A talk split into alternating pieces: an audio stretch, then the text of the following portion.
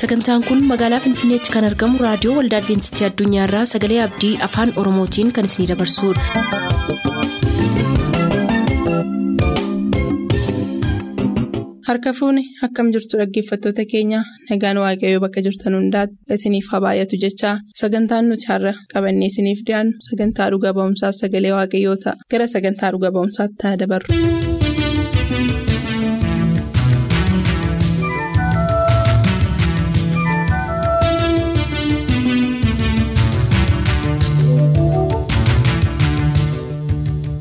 Nagaan gooftaa bakka jirtan maratti naa qaqqabu kun sagantaa dhuga ba'umsaati torban darbe obbo Taaddasee waliin akka turretti akkamitti gara dhugaa kanaa akka dhufan ilaallee turre?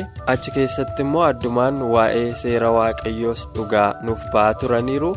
Har'as egaa kutaa kana waliin itti fufna. Isinis nu waliin tura.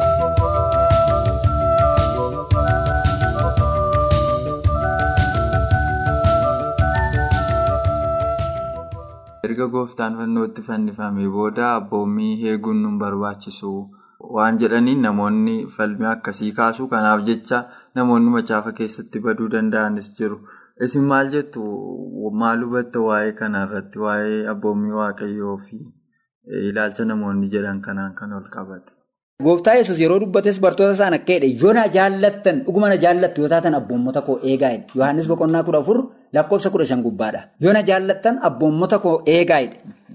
Jaalala dhuguma isa jaallanna kan nu jennu abboommi isaa yoo eenneedha. Abboommi isaa kun immoo warroota amma caafamanii jiran kanaadha. Sababii kanaaf isanni harka isaan dhufee hojjete isanni harka isaatiin dhufee isaan biratti hojjete yoo hin jibbanii akkamittiin waaqayyoon jaallatu. Kanaaf karaa dhugaa kanatti karaa wangeelaa kanatti akka isaan deebi'anii fi waaqayyoon akka dadhaaf dogoggora gubbaa jiru jechuun barbaaden. Waaqayyo sinaa eebbisu. Mi'aal tokko tokko wantoota nuyi hawaasa keessatti arginu keessaa egaa jalqabaa kaastanii waldaa keessa turtan nutti himtaniittu wanti garaagarummaan nu gidduutti argamu itti fayyadamaa hafuura qulqulluutii fi afaan haaraadha.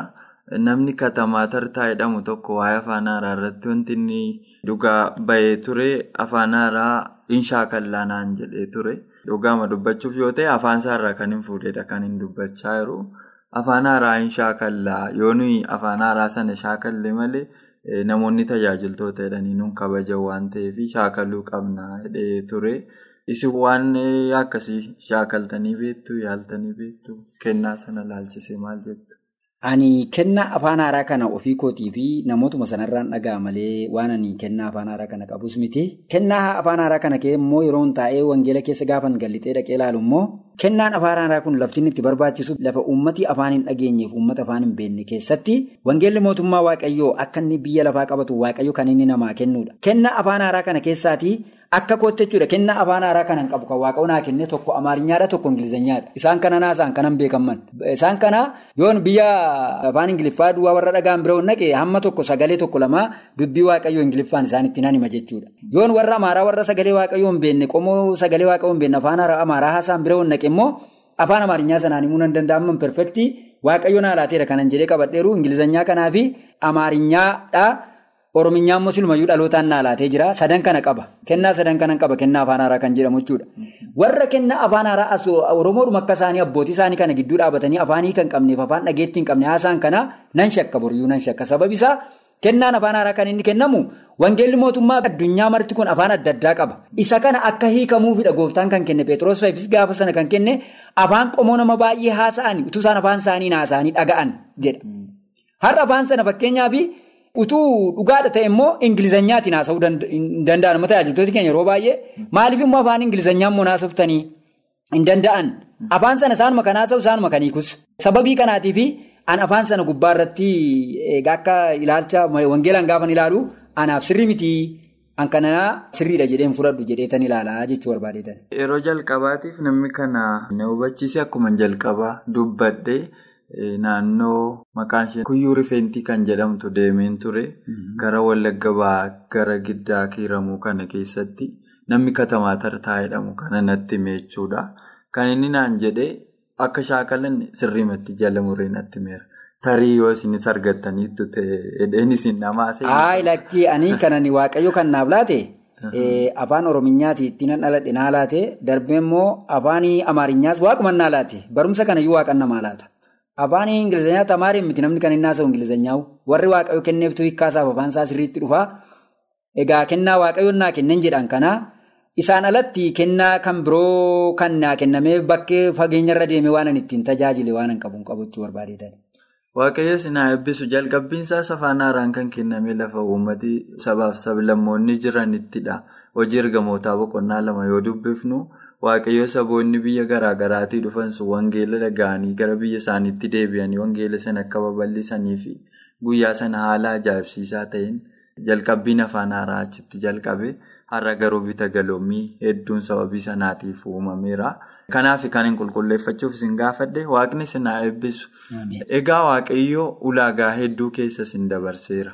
Hamma yoo naatti hin duunesin yeroo baay'ee sidhameeraa jettanii rakkinni baay'een isinarra ga'eeraa jettanii waaqayyoo amma kana hundumaa keessatti isin tikseera. Ermiyaasiin namoonni yeroo tokko laaqii boolla suphee keessa buusanii guyyaa kaan nyaata malee adabanii mana hidhaa keessa tursanii rakkinni itti marmaaraa ture. Kanuma immoo dubbatinii jedhanii kan ari'achaa turanis jiru. Isiniif rakkinni maal amma yeroo teessanii akkas ilaaltanii dhugaa dubbattanii rakkachuun hiika maal isinii qaba? Dhugaa wangeelaaf jedhanii amantiif jedhanii ari'atamuun hidhamuun mo'icha guddaa bu'aa guddaa qaba. Isas kanan keessaa argadhu mul'ata boqonnaa lama lakkoofsa 26 kaasee hamma dhumaatti kan obse isa dubbii koo hamma dhumaatti xumuree obsee galmaan ga'ee fi mo'icha nan kennaafi. Urjii barii sanas nan kennaaf jedha. Urjiin barii kun biyya tokko bakka bu'a akka seenaan kara biraa haasa'utti mootummaa gara booddeetti gooftaa yesus yeroo dhufu namootaa fi dirgoo dirgoo isaanii akka inni kennu paawulosis kana cimsee dubbata. Carraadha kun kiristaanaaf carraadha hin argamu. Ari'atamuun rakkachuun kiristaanaa fi carraa guddaadha. Kanaaf paawulosiyyuu anaaf jireenyi kiristoosiidha duunis bu'aa kootiidha.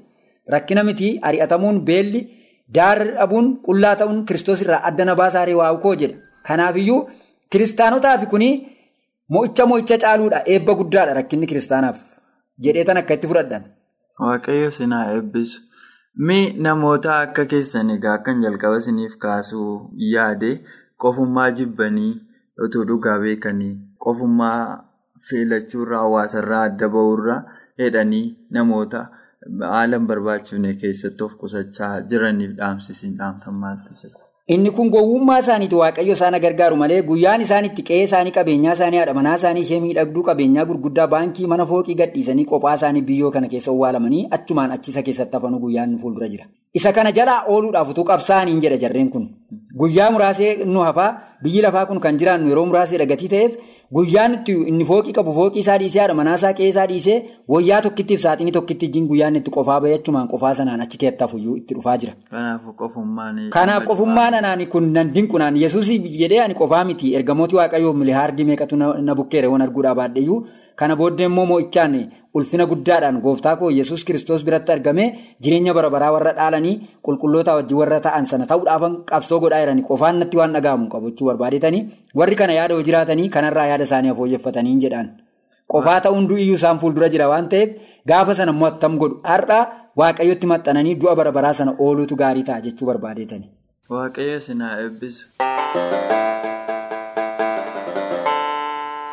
Egaa kabajamoo dhaggeeffatoota keenya har'a toora dhuga ba'umsaarra kan wajjin turre obbo Taaddaseedha. Dhuga ba'umsa isaaniirraas hedduu akka barattan abdii qabna. Har'aaf kan jenne asirratti yoo xumurru torbee immoo kutaa shanaffaa fi kutaa sadhumaa isiniif qabannee dhiyaanna. Ammasitti nagaan gooftaa bakka jirtan maratti isiniif haa baay'atu nagaan nuuf tura.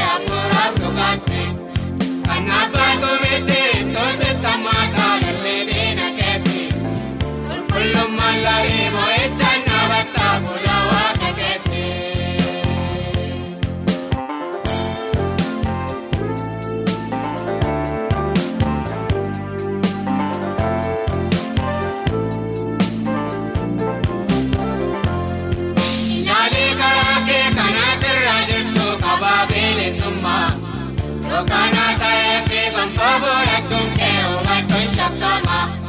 Kanaaf shaakalli kee kana jirra jirtu dorgommeen kee kami. Eenyu wajjin kaatee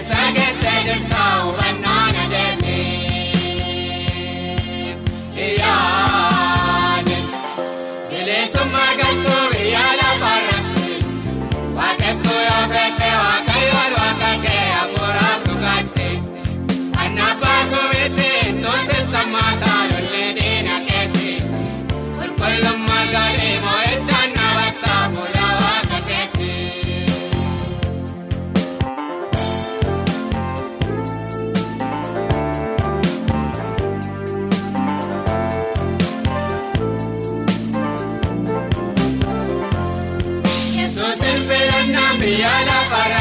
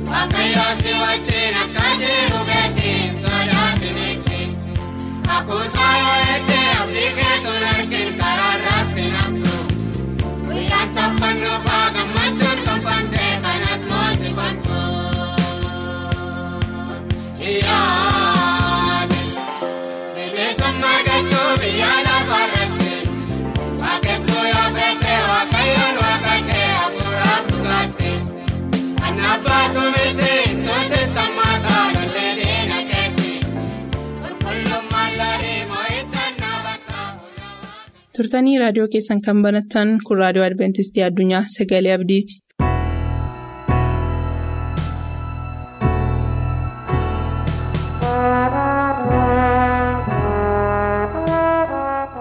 Akkam jirtuu kabajamtoota dhaggeeffattoota keenyaa bakka jirtan hundumaatti nagaaf ayyaanni waaqayyoo isiniif haa ta'uun kadhannaa kooti. Har'ammoo meeshaa waraanaa waaqayyoo kan jedhu kutaa saglaffaa fi kutaa xumuraasaa qabadhee isiniif dhiyaadheera. Ani rattaa guutamaatti isin waliin kanan turu. Egaa kutaa saddeet kanaan dura torban torbaniin ilaalaa turre. Har'ammoo kutaa saglaffaa fi xumuraa meeshaa waraanaa waaqayyoo. Akka nuti lolaa hafuuraa isa guddaa sana yookiin immoo wallaansoo isa guddaa sana keessatti ittiin lolluuf nuuf qopheesse isa xumuraati kan nuti ilaallu mee gara sagalee waaqayyootti osoo hin darbiin dura kadhata gabaabaa isaa godhanneetu dabarra. Abbaa isa hundumaa dandeessu ulfaadhu waan nu barsiisaa turteef har'as waan nu barsiistuuf galanni haa ta'u adaraa kee sammuu koo sammuu saba kee bakka garaa garaa jiranis ati bani ati sagalee kanaan nu jijjiiri. Kana hundumaa waan guutuuf ulfaadhu maqaa yesus kiristoosiin si kadhanne abbaa. Egaa hundumti keenya akkuma beeknu Efesoon boqonnaa jaha keessatti wanta barreeffame ture kan nuti ilaalaa turre Efesoon boqonnaa jaha lakkoofsa kudha afurirraa kaasee hanga kudha saddeetiitti waanta jiru kan nuti torban walitti aanan saddeetiif ilaalaa turre. Mee irra deebi'ee isinii dubbisa heertuu kan. Egaa akka nama sabbataan hidhatuutti dhugaadhaan mudhii keessan jabeeffadhaa. Qajeelummaas akka maddaa sibiilaatti uffadhaatii dhaabadhaa. Akka nama kophee kaateettis wangeela nagaa fudhattanii isa lallabuudhaaf qophaa'a. Kan hundumaa irrattis amantii akka gaachanaatti fudhadhaa. Isaan xiyya isaa sanaa warra boba'aa deeman dhaamsuu dandeessu. Fayyina akka gonfoo sibiilaatti sagalee waaqayyoos akka billaatti hafuura qulqulluu biraa fudhadhaa jedha. Egaa torban darbee sagalee waaqayyoo akka billaatti kan jedhu kana ilaallee barannee dabarre inni xumuraa fi inni wantoota kana hundumaa walitti hammatu immoo lakkoofsa kudha saddeet irra jira. Kadhataa fi mata keessan hundumaa keessatti yeroo hundumaa hafuuraan gaggeeffamaatii kadhadhaa jedha. Meeshaawwan waraanaa isa xumuraa kitaabni qulqulluun Efesoon boqonnaa jaha keessatti nuu kaa'e kadhannaadha. Mee waa'ee kadhannaa kana osoo hin dubbatiin dura wantoota qabxii kanaaf nu gargaaran heertuuwwan tokko tokko haalaal. Uumama boqonnaa lama deemne namni akkamittiin akka uumame sadarkaamti namaa maal akka ta'e haa dubbisnu. Uumama boqonnaa lama lakkoofsa torba keessa deemtan yeroo dubbistan waaqayyo gooftaan biyyoo lafaattii nama tolchee hafuura jireenyatti godhu funyaan isaatti baafatee jedha. Akkasitti namni uumama lubbuu qabaatee jiraatu ta'ee jedha. Egaa waaqayyo nama biyyoorraa akka tolche kitaabni qulqulluun nutti dubbata. Addunyaa kanarra immoo biyyoorra kan caalan biyyoon meeshaawwan yookiin immoo albuudawwan gati jabeessa keessatti hin ramadamu. Baay'ee gatii kan qaban kanneen akka warqee jiru, daayimandi kan jedhaman jiru, albuudawwan adda addaa haala salphaatti argamuu hin dandeenye garuu gatii guddaa kan qaban jiru. Namoonni biyyoo baay'ee waan qabaniif biyya isaanii keessatti ittiin dhaadatanii hin beekani. Garuu warqii baay'ee qabaachuu isaanii ittiin dhaadatu. Kan isin dhibu immoo uumama boqonnaa lama lakkoofsa kudha tokkoof kudha lama deemtan yeroo dubbistan osoo namni hin uumamin illee meeshaawwan dhagaawwan gati jabeeyyiin baay'een akka jiran hin dubbata. Fakkeenyaaf lakkoofsa kudhan irraa kaastanii yeroo dubbistan jannata eden keessaa lagoonni afur akka jiranii hin dubbata. Lakkoofsa kudha tokkoffaa immoo maqaan isa duraa Phiisoon. Innis guutummaa biyya hawilaa lafa warqeen jirutti naanna'ee jira jedha. Kanaafuu warqeen jira ture toon hin uumamin addunyaa kanarra. Warqeen biyya sanaas ba'eessaa hapheen urgaa'u saardoniksis achi argamu jedha. Saardoniksis dhagaa gati jabeeyyii baay'ee barbaachisaa ta'e keessaa isa tokko. Kanaafuu waaqayyo nama yommuu uume dhagoota gati jabeeyyii kanarra darbeetu biyyoorraa nama uume. Kanaafiyyuu haala uumama namaa yeroo laaltan haala baay'ee nama gaddisiisu uumamni namaa. Jechuudha. Garuu waaqayyo biyyoo isa tuffatamaa sana keessaan garuu fakkaattii mataasaa keessa kaa'e waaqayyo sadarkaa xiqqaarraa gara guddaatti nama guddisuu akka danda'u achi sanatti nu barsiisuu barbaadeetu garuu uumamni nama warqeerraa miti. Dhagaa gati jabeeyyii kan biraarraati biyyoorraati. Abrahaam yommuu waa'ee kanaa dubbatu uumama boqonnaa kudha saddeet lakkoofsa digdamii torbarraa yommus Abrahaam anillee biyyoodhaa daaraadha sii jedha of tuffachuusaa argisiisa anumaatti lakkaa'amu jechaa jira. Kan biraa immoo faarfannaa ibbaaf sadii lakkoofsa kudha afur deemtan yeroo dubbistan akka nuyi itti hojjetamne inni beekaa jedha daawwiti. Biyyoo ta'uu keenyas hin yaadataa jedha. Kanaafiyyuu biyyoodha nuti nuti baay'ee sadarkaa gadiirra kan jirru jedhee dubbachuu isaati. Faarfannaa boqonnaa saddeet deemtan yeroo dubbistan immoo heertuun kun waa'ee kadhannaa waan nu barsiisan qabu booda xumurarratti itti dhufna. Kanaaf heertuu kana seeraan dhaggeeffadhaa. Faarfannaa saddeet lakkoofsa afurirraa akkas jedha. Ati akkas yaadattuuf namni maalii jedha gaaffii gaafata. Maal jechuu barbaadeetu daawwiti? Ati nama yaadachuun namni yaadatamuun hin malu ture jechuu isaati. Ati akkasaaf dhimmituufis ilmi namaa maali? Dhimmamuufiin irra hin jiru ture ilmi namaa jechuu isaati.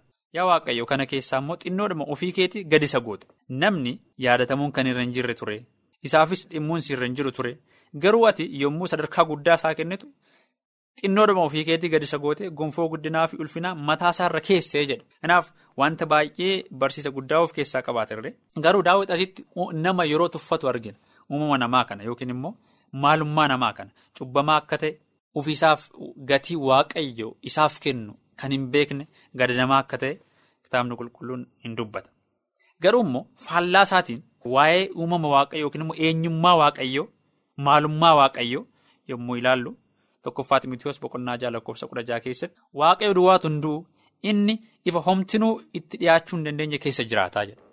Namni takkaa isaan argine isa arguus hin danda'u.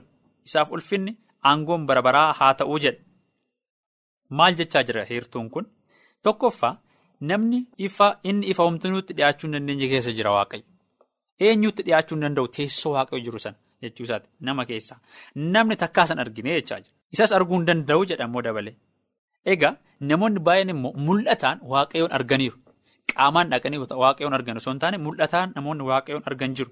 Fakkeenyaaf isaayaas boqonnaa jaa deemtanii yeroo dubbistan isaayyaas mul'ataan waaqayyoon erga argee booda maal akka jedhe ilaalaa lakkoofsa shanirraa wayyoo kaa ani nama arrabni isaa xuraa'ee namoota arrabni isaanii xuraa'ee gidduus kanan jiraadhu. Waanan ta'eef ijji koos waaqayyoon mootii waccaa waan argeef nan badee jedhe. Namoonni takkaa ulfina waaqayyo yeroo argan cubbamaa ta'uun isaanii itti argama namoonni kufanis jiru namoonni uftuuffatanis jiru. Fakkeenyaaf mul'ata boqonnaa tokko lakkoofsa kudha torba deemtanii yeroo dubbistan Yohaannis mul'ataan immoo kiristoosiin arge akkas jedhe. Yommuun isa arge akka nama du'ee miila isaa jalatti nan kufeedha. Mul'ataan yoo arganii namoonni miila isaa jalatti kufu cubbamoota waan ta'aniif. Inni immoo harka isaa mirgaan irra kaa'e hin sodaatin inni duraa inni booddees anaa jedhe. Daaneelis deemtanii yeroo dubbistan Daaneel boqonnaa kudhan lakkoofsa torbaaf sagal yommuu dubbistan akkas jedha ani Daaneel kophaatti mul'aticha arge malee namoonni anaa wajjin turan mul'aticha hin argine. Garuu hollannaa guddaan isaan irra geenyaan baqatanii of dhoksani. Kanaaf ani kophaa koo hafeen mul'ata guddaa kana arge jabni tokkollees na keessatti nafne. Mul'atuma arge garuu jabni tokko isa keessatti nafne. Bifni koo hamma iddoo dhaabadutti hin geeddarame humni tokko sanaaf hin hafne jedha. Yommus sagalee dubbii isaa nan dhaga'e yeroon sagalee dubbii isaa dhaga'es ani hojjaa kootii nan kufe hin kufe lafarratti. Adda kootiin gad gombifame akka nama rafee wallaalii nan ta'ee jedha. Kanaaf ba'uu boqonnaa kudha saddeet lakkoofsa digdama yommuu deemtanii dubbistan Museen yommuu ulfina keenyatti argisiisi jedhu waaqayyo akkas jedheen namni fuula koo arge jiraachuu waan hin dandeenyeef ati fuula koo arguu hin dandeessu akka jedheen argina. Kanaaf namoonni cubbamoota ta'an namoonni homaatti lakkaa'amu garuu kitaabni qulqulluun namootuma kana fuula waaqayyo duratti dhiyaachuu akka isaan danda'an hin dubbate. Waaqayyo karaa nuti ittiin gara fannoosaaf gara teessoosaa fuulduratti yookiin fuula isaa duratti dhiyaachuu dandeenyu nuuf kenneera innis immoo kadhannaadha. Yoo hammam cubbamaa taatanillee yoo biyyoorraa uumamnillee yoo daaraa taanillee yoo gatii kan hin qabne taanillee yoo namni kamiyyuu fuula waaqayyoo arguu kan hin dandeenye sadarkaa ammaa kanarratti yoo ta'ellee garuu sadarkaa ammaa kanarra jiraanne fuula waaqayyoo duratti dhiyaachuu akka dandeenyu immoo kitaabni qulqulluun ni dubbata. Mee haalaallu Yoonaas maal akka dubbate haalaallu Yoonaas boqonnaa lama raajii Yoonaas boqonnaa lama lakkoofsa saddeetirraa yeroo lubbuun koo na keessatti gaggabdetti yaa waaqayyoo koo ani si yaadadhee jedhe. kadhanni koos mana keessa qulqullaa keessatti gara kee anaaf hin dhufe iddoo qulqullaa keessa jiraata. Manni qulqullummaa iddoo teessoo waaqayyooti kadhannaan yoonaas kadhate eessa dhaqee? Iddoo teessoo waaqayyoo sana dhaqee jechuudha. Argitanii kadhannaa amma teenyee kadhannuun iddoo teessoo waaqayyoo sana hin dhaqna jechuudha. Kanammoo karaa biraa mul'ata boqonnaa shan lakkoofsa torbaa saddeet deemtanii dubbisachuu dandeessu. Nan dubbisaa ani akkas jedha. Hoolichi yeroo sanatti dhaqee harka mirgaasa teessoo irra taa'ee jiru keessaa macaaficha fudhatee. yommuu inni macaaficha fudhates uumamni lubbuu qaban arfan maggundoonni digdamii arfanis hoolicha duratti hin gombifaman adda addaan karaaraa fi qodaa ixaan itti aarsan isa warqeerraa hojjetame of harkaa qabu. Ixaanichi ixaanni qodicha keessa guutee ture. Innis kadhata warra waaqayyoo qulqullaa'aniiti jedha argitanii ixaanni teessa waaqayyoo fuuldura jira. Ergamoonni ixaana sana qabatanii turani. Ixaanni sun kadhannaa qulqullootaa yookiin immoo kadhannaa nuti kadhannu akka ta'e. Teessoo waaqayyoo fuuldura kadhannaan keenya akka ga'u kitaabni qulqulluun hin dubbata. Hammam yoo dadhaboota taanillee garuu kadhannaa garaa keenyaan kadhannuun fuula waaqayyoo duratti akka dhiyaannu kitaabni qulqulluun hin dubbata. Faarfannaa boqonnaa digdamas deemtanii yeroo dubbistan waaqayyo guyyaa rakkinaatti kadhata keef deebisiif haa kennu. Waaqayyo inni kan yaa'u maqaa isaatiin si haa eegu. Inni mana qulqullummaa isaa keessaa gargaarsa siif haa ergu jedha. Argitanii waaqayyo mana qulqullummaa isaa keessa jira. Nuti immoo kadhannaa hin kadhanna. Kadhannaan kun teessoo isaa fuuldura ga'a. Sanaan booda mana qulqullummaa keessaa immoo waaqayyo akka gargaarsa nuuf ergu kitaabni qulqulluun dubbata. Kanaaf abdii kana qabna. Kadhadhaa isiniif hin kennama kan jedhu Maatiyus boqonnaa torba lakkoofsa torba keessatti barreeffameera. Kadhannaadhaan lola hafuuraa sana keessatti injifachuu akka dandeenyuuf waaqayyo hunduma keenyaa gargaaru. Sana dura garuu faarfannaa boqonnaa soddomii afur lakkoofsa torbarraa akkas jedha. Ergamaan waaqayyoo naannoo warra waaqayyoon sodaataniin buufata innis isaaniin oolchaa jedha. Waaqayyo mana qulqullummaa isaa keessaa kadhannaa nuti kadhannu hundumaaf karaa ergamoota isaa deebii isaa akka nu deebisu kitaabni qulqulluun hin dubbata. Lola hafuuraa kana keessatti kadhannaadhaan cimnee injifannoo guddaa argachuu akka dandeenyuuf waaqayyo nu haa gargaaru. Kanaaf mata duree kan biraatiin hamma walitti deebinutti bakka jirtan hundumatti nagaan isiniif haa baay'atu kadhata gabaabaa isaa godhannee hin xumurre. Yaa abbaa isa samaa irra jiraattu gochaa keef jaalakee hundumaaf galatoomi har'as waan nu barsiisteef galanni siif haa ta'u. Isa baranne kana hundumaan immoo jiraachuu akka dandeenyuuf nu gargaari maqaa yesuusiin. Ameen. Sagantaa keenyatti akka gammaddan abdachaa har'aaf kan jenne xumurreerra. Bor sagantaa faarfannaa qabannee isiniif dhiyaanna beellama keessaan nu waliin godhadhaa jechaa nuuf bilbiluu kan barbaaddan lakkoofsa bilbila keenyaa. Duwwaa 11 551 1199 Duwwaa 11 551 1199 nuuf barreessuu kan barbaadaniif ammoo lakkoofsa saanduqa poostaa 45 Finfinnee lakkoofsa saanduqa poostaa 45 Finfinnee qopheessitoonni sagalee abdii waliin ta'uun nagaatti isiniin jenna.